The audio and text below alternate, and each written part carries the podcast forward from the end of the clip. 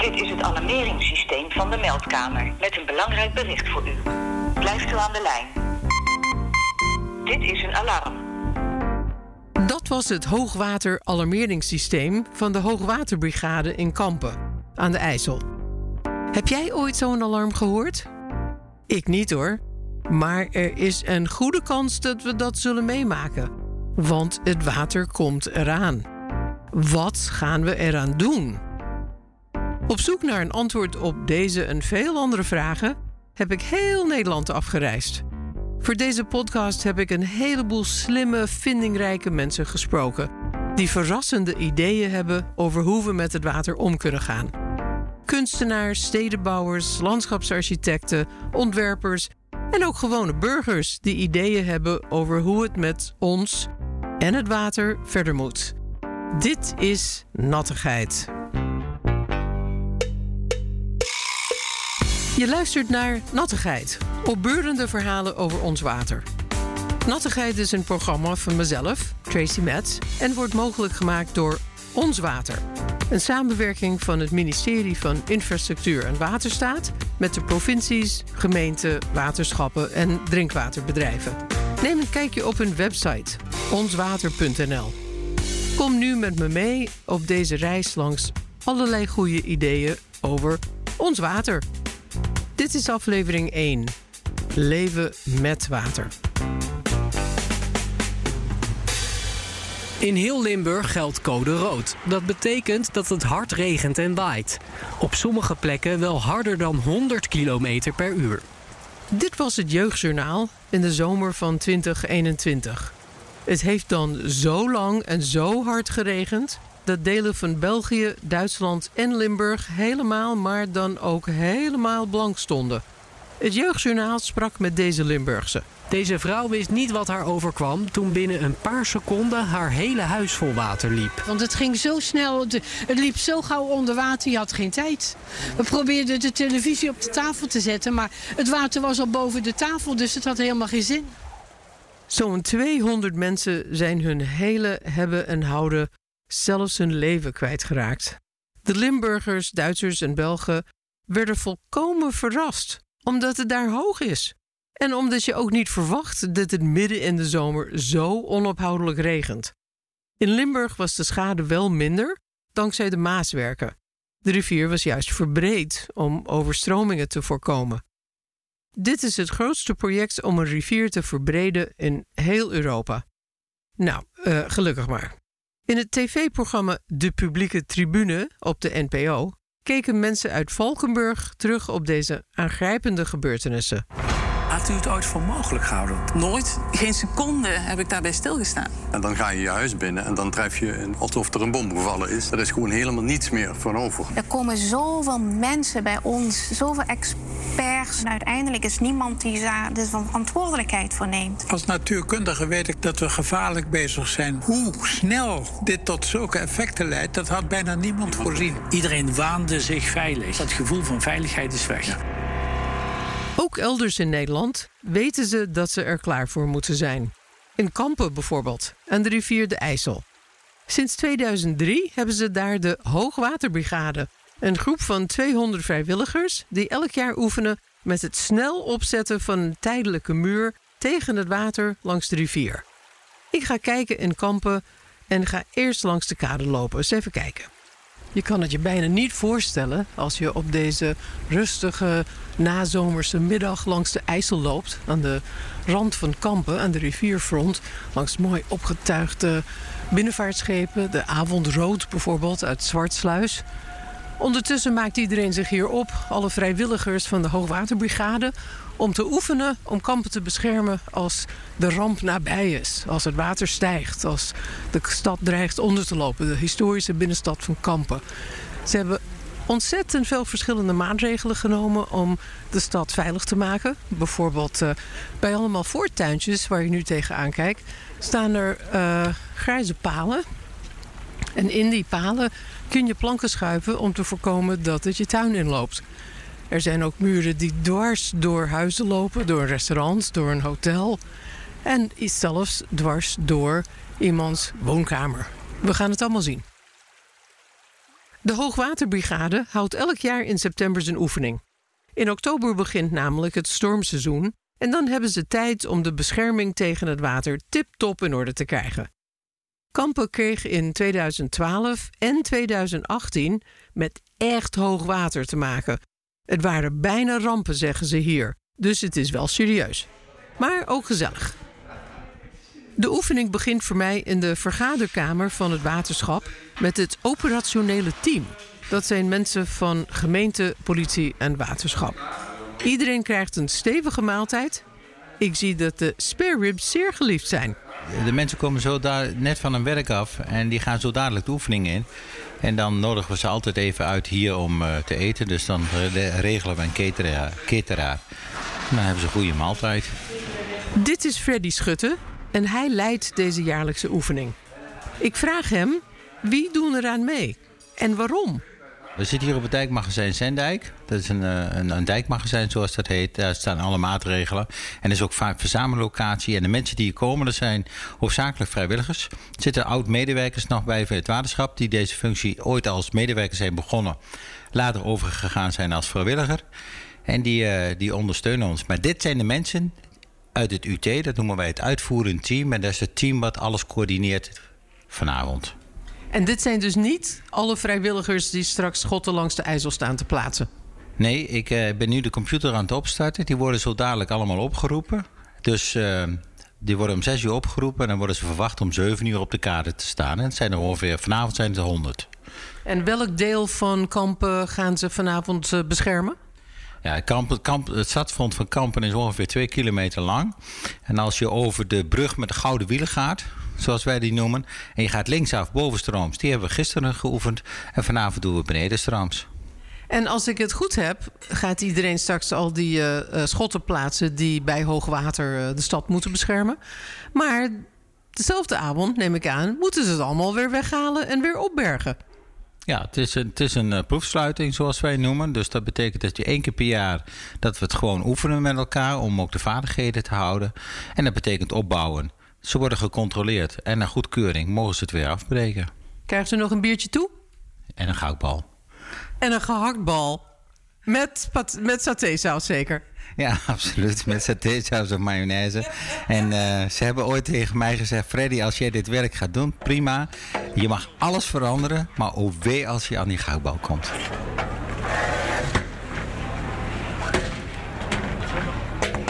Dat gerammel dat je hoort, dat zijn aluminium schotten die in het magazijn op vrachtwagens worden geladen. De vrachtwagens brengen ze naar de IJsselkade. Daar staan de vrijwilligers klaar met hun helmen en gele hesjes aan om de schotten op elkaar te zetten. Ze maken er een tijdelijke muur mee die het water moet tegenhouden. voor uh, Freddy voor UT. Hier UT voor Freddy, over. Uh, we hebben vooraan bij de uh, Amrobank, dus vooraan bij de brug, hebben we twee kranen staan. Zijn er, is er nou behoefte aan kraan elders op de, op de IJsselkade? Dat is even de vraag. Kunnen jullie dat uh, ook even nagaan over? Voor de tuinen komen er lage schotten. Ze plaatsen deze schotten zelfs in de middeleeuwse poort van Kampen. Het hele rivierfront verandert in één grote tijdelijke waterkering. En dan breken ze het allemaal ook meteen weer af. Hup, terug naar het magazijn. Gehoord, wij gaan uh, dat die blijven, over en uit. En dan hierachter. Hierachter kunnen jullie weer af. Nou, zijn we gelijk. Om even kunnen allemaal controleren, zeg oh. Jeetje, wat een gedoe, hè? Dan ben je aan het oppassen, komt dit, op, komt dit opeens op je pad. Maar zover is het nog niet.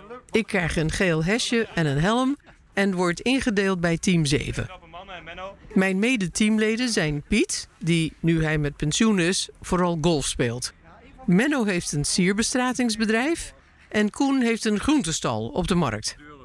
Want wat wij dus moeten doen is dus binnen hier in de in de woningen die hier aan de IJsselkade staan, zitten dus eigenlijk een soort uh, ja, keringen. En dus bij nummer 64, 63, daar moeten we dus even naar binnen. Even aan. Wacht, wacht even, wat zeg je nu? Binnen in de woningen zitten de keringen? Jazeker, binnen in de woning. Achter in de woning. De oude stadsmuur, ja, vaak wel. De oude stadsmuur van Kampen loopt hier doorheen. Eigenlijk is die als waterkering gebruikt. Overal moet je dan even, zit bijvoorbeeld een FVS-deur of, een, uh, of een kleine sluis, zeg maar, sluisje erin. Nou, even kijken of die nog werkt. En, uh... en wat doe je als er niemand thuis is? slaan we hem over. Ja, dat, ja mensen, mensen kunnen, er, ja, kunnen er rekening mee houden, maar ja, dan maken we er een aandachtspunt van. Zetten we gewoon zijn we niet geweest, dus kun je ook niet weten. Maar dan wel dat, dat je, ja, je weet dus niet of het wel of niet goed is. Dus, eh, En we weten de bewoners dat jullie komen? Weet ik eigenlijk niet. eh, ik, Peter? Wel, ja. In principe weet iedereen dat er, dat er een oefening is, ja. Ja, daar krijgen ze van tevoren brief van. In principe kunnen de bewoners zelf ook eh, eh, de deur dicht doen of de kering of wat het ook is. Niet. Wij moeten dus de deur een keer helemaal vergrendelen. Slot erop, alles af eh, zoals het hoort. Dan kijken we of het goed is. En dan besluiten we zelf om dat ook weer even te herstellen. Dus daar halen we slot er weer af. Dan zetten we de deur weer in de andere stand, met slot erop. Want anders dan moet je later weer terug. En nu kunnen we dat gewoon in één keer doen. Dan vallen die mensen één keer lastig. Snap je op die manier? ja, zoiets. Hier vaak de, hier de trap. En dan de trap daar bij de... eh, Jij bent ook lid van Team 7, hoe heet je? Ik heet Menno. Hallo Menno. Hey. Wat doe, wat doe je in het dagelijks leven Menno? Ja, in het dagelijks leven ben ik ondernemer. Ja, dat is weer heel wat Wat, anders wat, onderneem je? Ik heb een eigen bedrijf, eh, samen in sierbestrating en tuinmaterialen. Ja, dat is heel wat anders dan dit inderdaad. Waarom doe je dit? Ja, we zijn er per toeval zijn we, er, eh, zijn we hier terechtgekomen. Dus gewoon via, eh, via het sporten zeg maar. eh, iemand vroeg of we hier aan mee wouden doen. Nou ja, geen probleem, dat doen we gewoon. Het is ook maar Is het voor de gezelligheid? Het is ook voor de, vooral voor de gezelligheid inderdaad. En je leert eens een keer wat andere mensen kennen dan die, die je normaal ziet. Dat is het ook. Misschien is het ook goed voor business joh. Dat bedoel ik. Maar goed, we moeten aan de slag denk ik zo meteen. Team 7 gaat geen schotten opbouwen. Wij hebben een andere opdracht gekregen. We gaan in garages en kelders en achtertuinen controleren of de stalen deuren die daar het water moeten tegenhouden nog wel dicht kunnen. Het is een hoop gezucht en gesteun, want die deuren zitten verder het hele jaar op slot en die sloten willen nog wel eens dichtroesten. Nou, er zitten dus nu drie mannen gehurkt op een hele kleine we komen wel goed in beeld zo, hè? Drie mannen met de sleutel. Gehurkt op een hele kleine overloop tussen de parkeerkelder en de trap daar achterin en de deur naar de bergingen. En ze hebben twee sleutels bij zich en geen van die sleutels past op het slot van het deurtje. Wat? Hoe gaan we dit oplossen? Dit is de hofschuifdeur, dus dat is, dat is hem zo gezien de hefschuif. En wij hebben wel een goede doos. Ik vraag me nog steeds af of ze de goede doos hebben gevonden. Tussen de gele hesjes lopen er ineens een paar toeristen. De tongval herken ik, Limburgers. Die zijn zich rot geschrokken. Wat? Gele hesjes, zwaailichten, hoogwaterbrigade? Wat is hier aan de hand? Is dit voor het hoogwater? Jullie komen niet uit Kampen. Wij komen niet uit Kampen, nee, wij komen uit Zuid-Limburg. Oh, dus dat hoge water heeft jullie verhoogde aandacht wel. Ja, als we dan zoiets zien, dan denken we, oh nee, het zal toch niet, hè? Was je echt gealarmeerd? Ja, ja, niet gealarmeerd, maar eh, we hebben wel hele akelige dingen meegemaakt, laten we zo zeggen. En dan dat gun je echt niemand hoor. Want dat is echt- Hoe is het jullie vergaan? Eh, ons is het goed gegaan, want wij komen uit Vals. Dus hoog. wij liggen hoog en we hebben geen water. Maar om ons heen, met name in België, 15 kilometer verder, is een heel dorp weggevacht. Hoogwaterbrigade, ja. Dit is de jaarlijkse oefening hier in Kampen. Om eh, ervoor te zorgen dat iedereen weet wat hij doet, m- doen moet als het hoge water komt.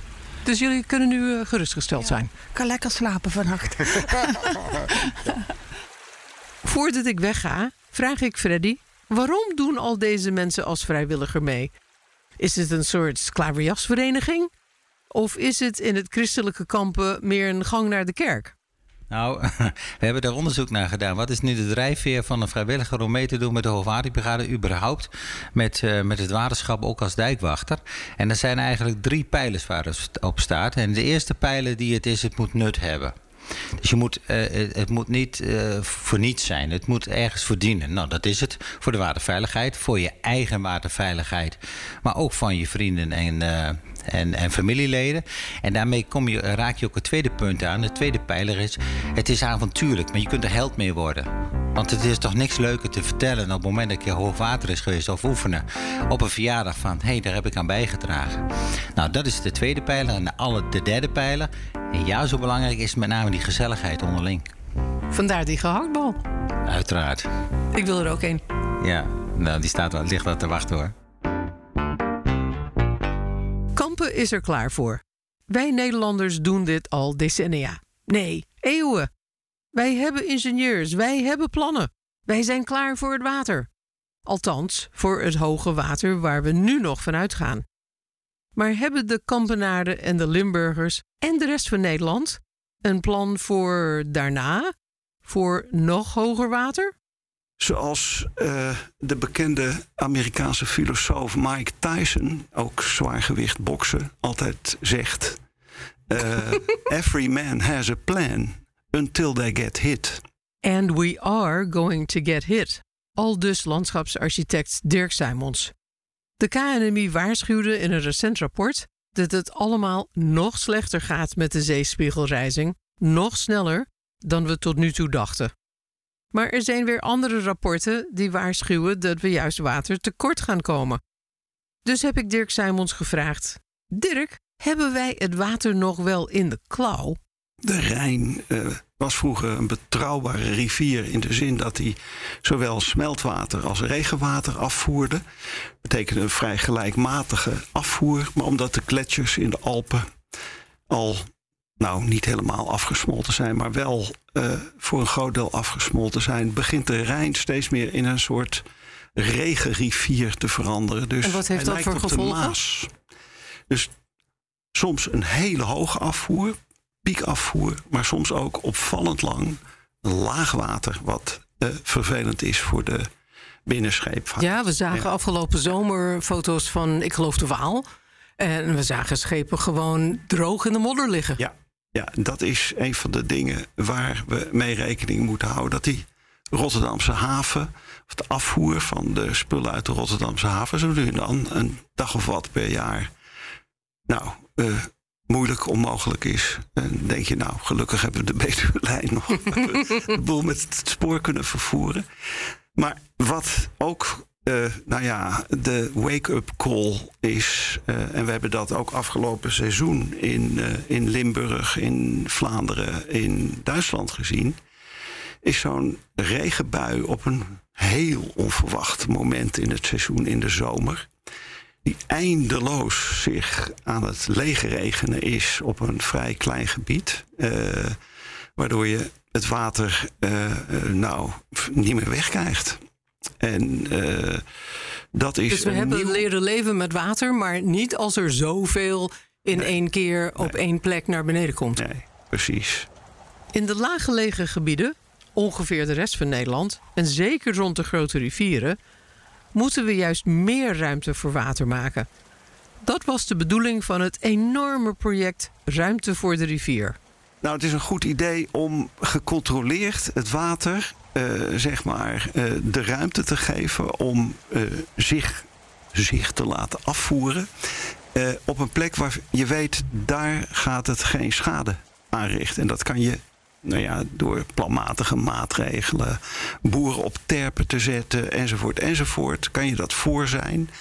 En je weet door het verlagen van de dijk als een soort inlaatmiddel precies waar het gaat gebeuren. Je hebt het dus in de hand. En daarmee kan je. Ingenieurs kunnen dat. Ingenieurs kunnen dat. Die kunnen er heel goed aan rekenen. We hebben het goed geregeld. De overheid uh, uh, zorgt goed voor ons. Staat ook in de grondwet dat dat moet. Uh, we dachten dat we het water eronder hadden. En dat betekent dat we hier niet in angst hoeven te leven. Dat is heel goed, maar we worden er ook een beetje lui van. Ja, en een beetje lui. ik kan daar een mooi voorbeeld van, uh, van geven. In Nederland is het in tegenstelling tot, ik denk, bijna alle andere landen in de wereld niet zo dat je een verzekering tegen overstromingsschade ja. kunt ja. sluiten. En dat vind ik echt, dat is echt een soort bewijsstuk A, zal ik maar zeggen. Dat moet ik in het al... buitenland ook altijd nee, uitleggen. Ja, we zijn verzekerd allemaal bij girorekening 1, hè, zal ik maar zeggen.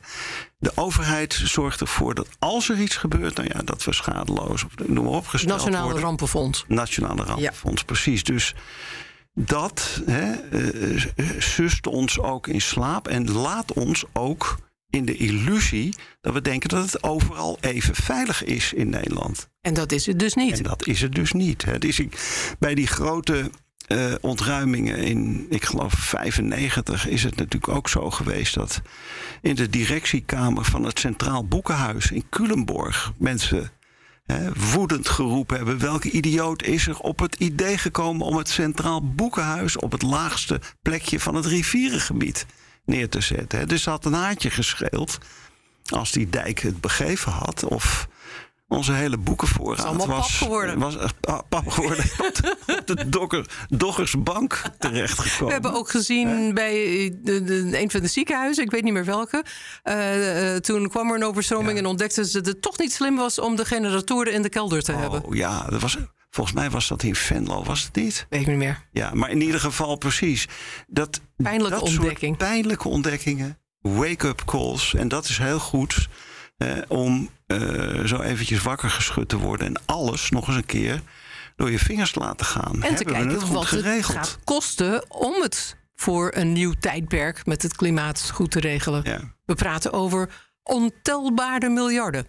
Ja, en dan hebben we het natuurlijk niet alleen over eh, eh, waterveiligheid, maar ook over het, eh, laat ik maar zeggen, aanpassen van onze steden aan de te verwachten hitte-eilandeffecten. Eh, je hebt het over eh, de maatregelen die je absoluut zal moeten nemen, ook in Nederland, als het gaat om het tegengaan van biodiversiteitsverlies. Als je al die maatregelen bij elkaar optelt, dan kom je op een flink bedrag. Maar ik heb me altijd laten vertellen dat als je niets doet en je het sommetje nog een keer maakt, dat het bedrag nog tien keer zo hoog uitkomt. Dus eh, De uitkomst zou kunnen zijn dat we op een gegeven moment onder ogen moeten zien dat we niet langer in dit land kunnen blijven leven. Wat denk je? de- ik denk dat we eh, toch een heel goed eh, gevecht zullen aangaan hè, met, met het water. Er is op een gegeven ogenblik een, ja, een, een kans dat je naar een soort plan B over moet schakelen. Maar ik denk dat het heel lang zal duren voordat Amsterdam een geliefde duiklocatie voor eh, duiktoeristen eh, wordt. Er heerste grote watersnood, nood, nood, nood. En te midden van die rommel, rommel, die niet zwemmen kon, ging dood. En dan wordt het nog opgewekter. En te midden van die rommel, rommel, dreef de torenspits van Biba Bommel. Dit vrolijke lied over een rampzalige gebeurtenis wordt gezongen door Lotte Jensen, hoogleraar aan de Radboud Universiteit. Zij is gespecialiseerd in hoe het water, en vooral rampen, de Nederlandse identiteit hebben gevormd. Het is volgens Lotte klaar met de heroïek en de borstklopperij. Het verhaal van nu moet gaan over onze kwetsbaarheid. En die kwetsbaarheid vind je terug in de liederen die eeuwenlang over rampen zijn geschreven. Dat blijkt een heel eigen genre te zijn. Ik heb het dus altijd gezongen, vroeger als kind. Ik had geen idee dat het over een watersnood ging. Ik vond vooral het stukje Biba Bommel heel leuk. En ik had echt geen idee. Het is een- ook een raar soort herdenken. Dat je denkt, ha, gezellig. en dan ontdek je waar het eigenlijk over gaat. Ja. Ze is doorgegaan met het bezingen van rampen. Samen met het Utrechtse ensemble Camerata Trajectina heeft ze een hele CD laten opnemen met rampliederen. Zoals deze, die heet Wat groter nood, wat droever tijd over een overstroming uit 1682. Want door bestiering van Gods hand ging het water hier zeer hoog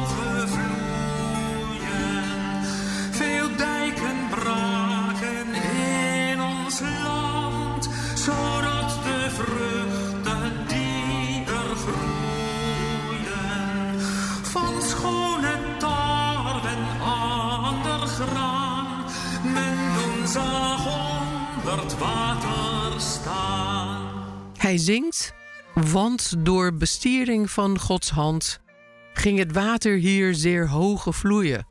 Veel dijken braken in ons land, zodat de vruchten die er groeien, van schone tarwe en ander graan, men doen zag onder het water staan. Volgens Lotte dienden deze liederen niet alleen om het nieuws over een ramp te verspreiden, maar belangrijker nog, om onze weerbaarheid en saamhorigheid te verhogen. Want Nederland leverde doorlopend strijd tegen het water. En een ramp was ook een moment van bevrijding en wederopstanding. We moesten wel met elkaar samenwerken, zoals nu de leden van de Hoogwaterbrigade in Kampen doen. Zoals Freddy Schutte over zijn vrijwilliger zegt: Het is avontuurlijk, je kunt er een held mee worden. De strijd heeft door de eeuwen heen bindend gewerkt. De Nederlandse leeuw strijdt tegen de woeste waterwolf en weet uiteindelijk die wolf op de knieën te dwingen. Uh, dat is natuurlijk een motief dat op de dag van vandaag doorwerkt. Hè? De waterwolf kent iedereen nog steeds als uitdrukking. En de waterwolf is ook het toonbeeld van het water als vijand. De, de war on water, een strijd die we moeten winnen. Die Ja. hele uh, uh, strijdretoriek zit daar heel sterk in. Ja, dat klopt. En ook in die Hollandse leeuw die de waterwolf temt. Dat zijn eigenlijk twee dieren die als het ware die strijd symboliseren. Waterwolf als een woest beest dat verslindend werkt en mensen opeet, dorpen verzwelgt. Maar uiteindelijk weet dan die echte waterleeuw wel eh, de waterwolf een kopje kleiner te krijgen. We hebben natuurlijk niet altijd die strijd gewonnen. Jouw werk door de jaren heen gaat allemaal over rampen, over veel over overstromingen. En de overstroming kun je ook zien als een teken van ons falen in het weren van het water. Ja, het interessante is dat je uh, de geschiedenis van die strijd tegen het water op twee manieren kunt representeren. Je zou het kunnen zien als een reeks overwinningen. Als je de nadruk legt op de successen van de inpoldering, de deltawerken, de afsluitdijk. Maar Evengoed is het een geschiedenis van nederlagen. Want er zijn ontelbaar veel overstromingen geweest. De een na de ander. De zee ontziet geen mens, geen land. Een stem spreekt en de dijken breken. En machtiger dan vele preken raakt die stem en ingewand. Dat was de Ballade van den Watersnood uit, uiteraard, 1953. Kunnen we nu nog toe met de oude heroïek? Als iets uit de geschiedenis blijkt, en uit deze liederen, dan is het wel hoe kwetsbaar we zijn. Zulke grote uitdagingen staan er voor ons met die zeespiegelstijging. Uh, dat je met een, een eenvoudig uh, heroïsch verhaal ben je er niet. Uh, dat is natuurlijk schijnveiligheid. En vooral wil je uh, dit keer de ramp voor zijn. En dat betekent dat je met zo'n heroïsch narratief van zelfverheerlijking en borstklopperij kom je er niet. Ik denk dat je veel meer de nadruk ook moet leggen op de kwetsbaarheid van de inwoners van Nederland. We vergeten het heel vaak, maar de hele Randstad zit 4 meter onder zeespiegel.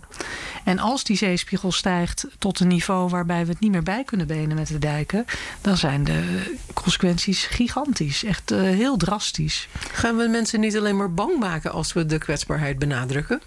En je zou nu eigenlijk een beetje af moeten van dat technologische, heroïsche narratief en meer. Die zit ons nu in de weg eigenlijk. Dat zit ons in de weg. Als we uh, willen handelen. Maar als we ook echt met het oog op de toekomst adaptief willen, uh, ons willen aanpassen aan het veranderende klimaat, dan heb je toch echt ook de nadruk op de kwetsbaarheid nodig. En dat kwetsbaar zijn, dat, dat heeft de geschiedenis ook laten zien. Inderdaad, we zijn kwetsbaar. Dat heeft de geschiedenis laten zien. Maar dat betekent niet dat we het moeten opgeven. Het is geen toeval dat deze eerste aflevering van Nattigheid als titel heeft Leven met water. Eigenlijk gaat deze hele reeks daarover. We zitten op een kantelpunt. We moeten het idee loslaten dat we heer en meester zijn over het water. Het is tijd voor de leeuw om de waterwolf te omhelzen. Dit is het begin van een nieuw tijdperk waarin het water het voor het zeggen heeft. Het tijdperk van leven met water. Je luisterde naar de eerste aflevering van de podcast Nattigheid. Opbeurende verhalen over ons water. Een podcast van mij, Tracy Metz. De volgende aflevering gaat over het riool. In De Drol van de Keizer hoor je wat er allemaal uit onze poep en plas te halen valt. Van kennis over het coronavirus tot bioplastics en ook stroom. Je kunt van alles maken van bijvoorbeeld gebruikt wc-papier. En misschien gaan we zelfs drinkwater uit het riool maken. Er zit goud in riool. Deze podcast wordt mogelijk gemaakt door Ons Water. Onze producer is Jonathan Groubert. Wesley Schouwenaars is onze technicus. Wil je meer weten? Kijk op nattigheid.nl. Daar vind je bijvoorbeeld een leuke video van de Hoogwaterbrigade aan het werk en ook de hele aflevering van het programma De Publieke Tribune. Daar lees en hoor je meer over de rampliederen, waarmee Nederland door de eeuwen heen overstromingen heeft verwerkt en herdacht. En je doet me een groot plezier als je een recensie achterlaat op je favoriete podcast-app.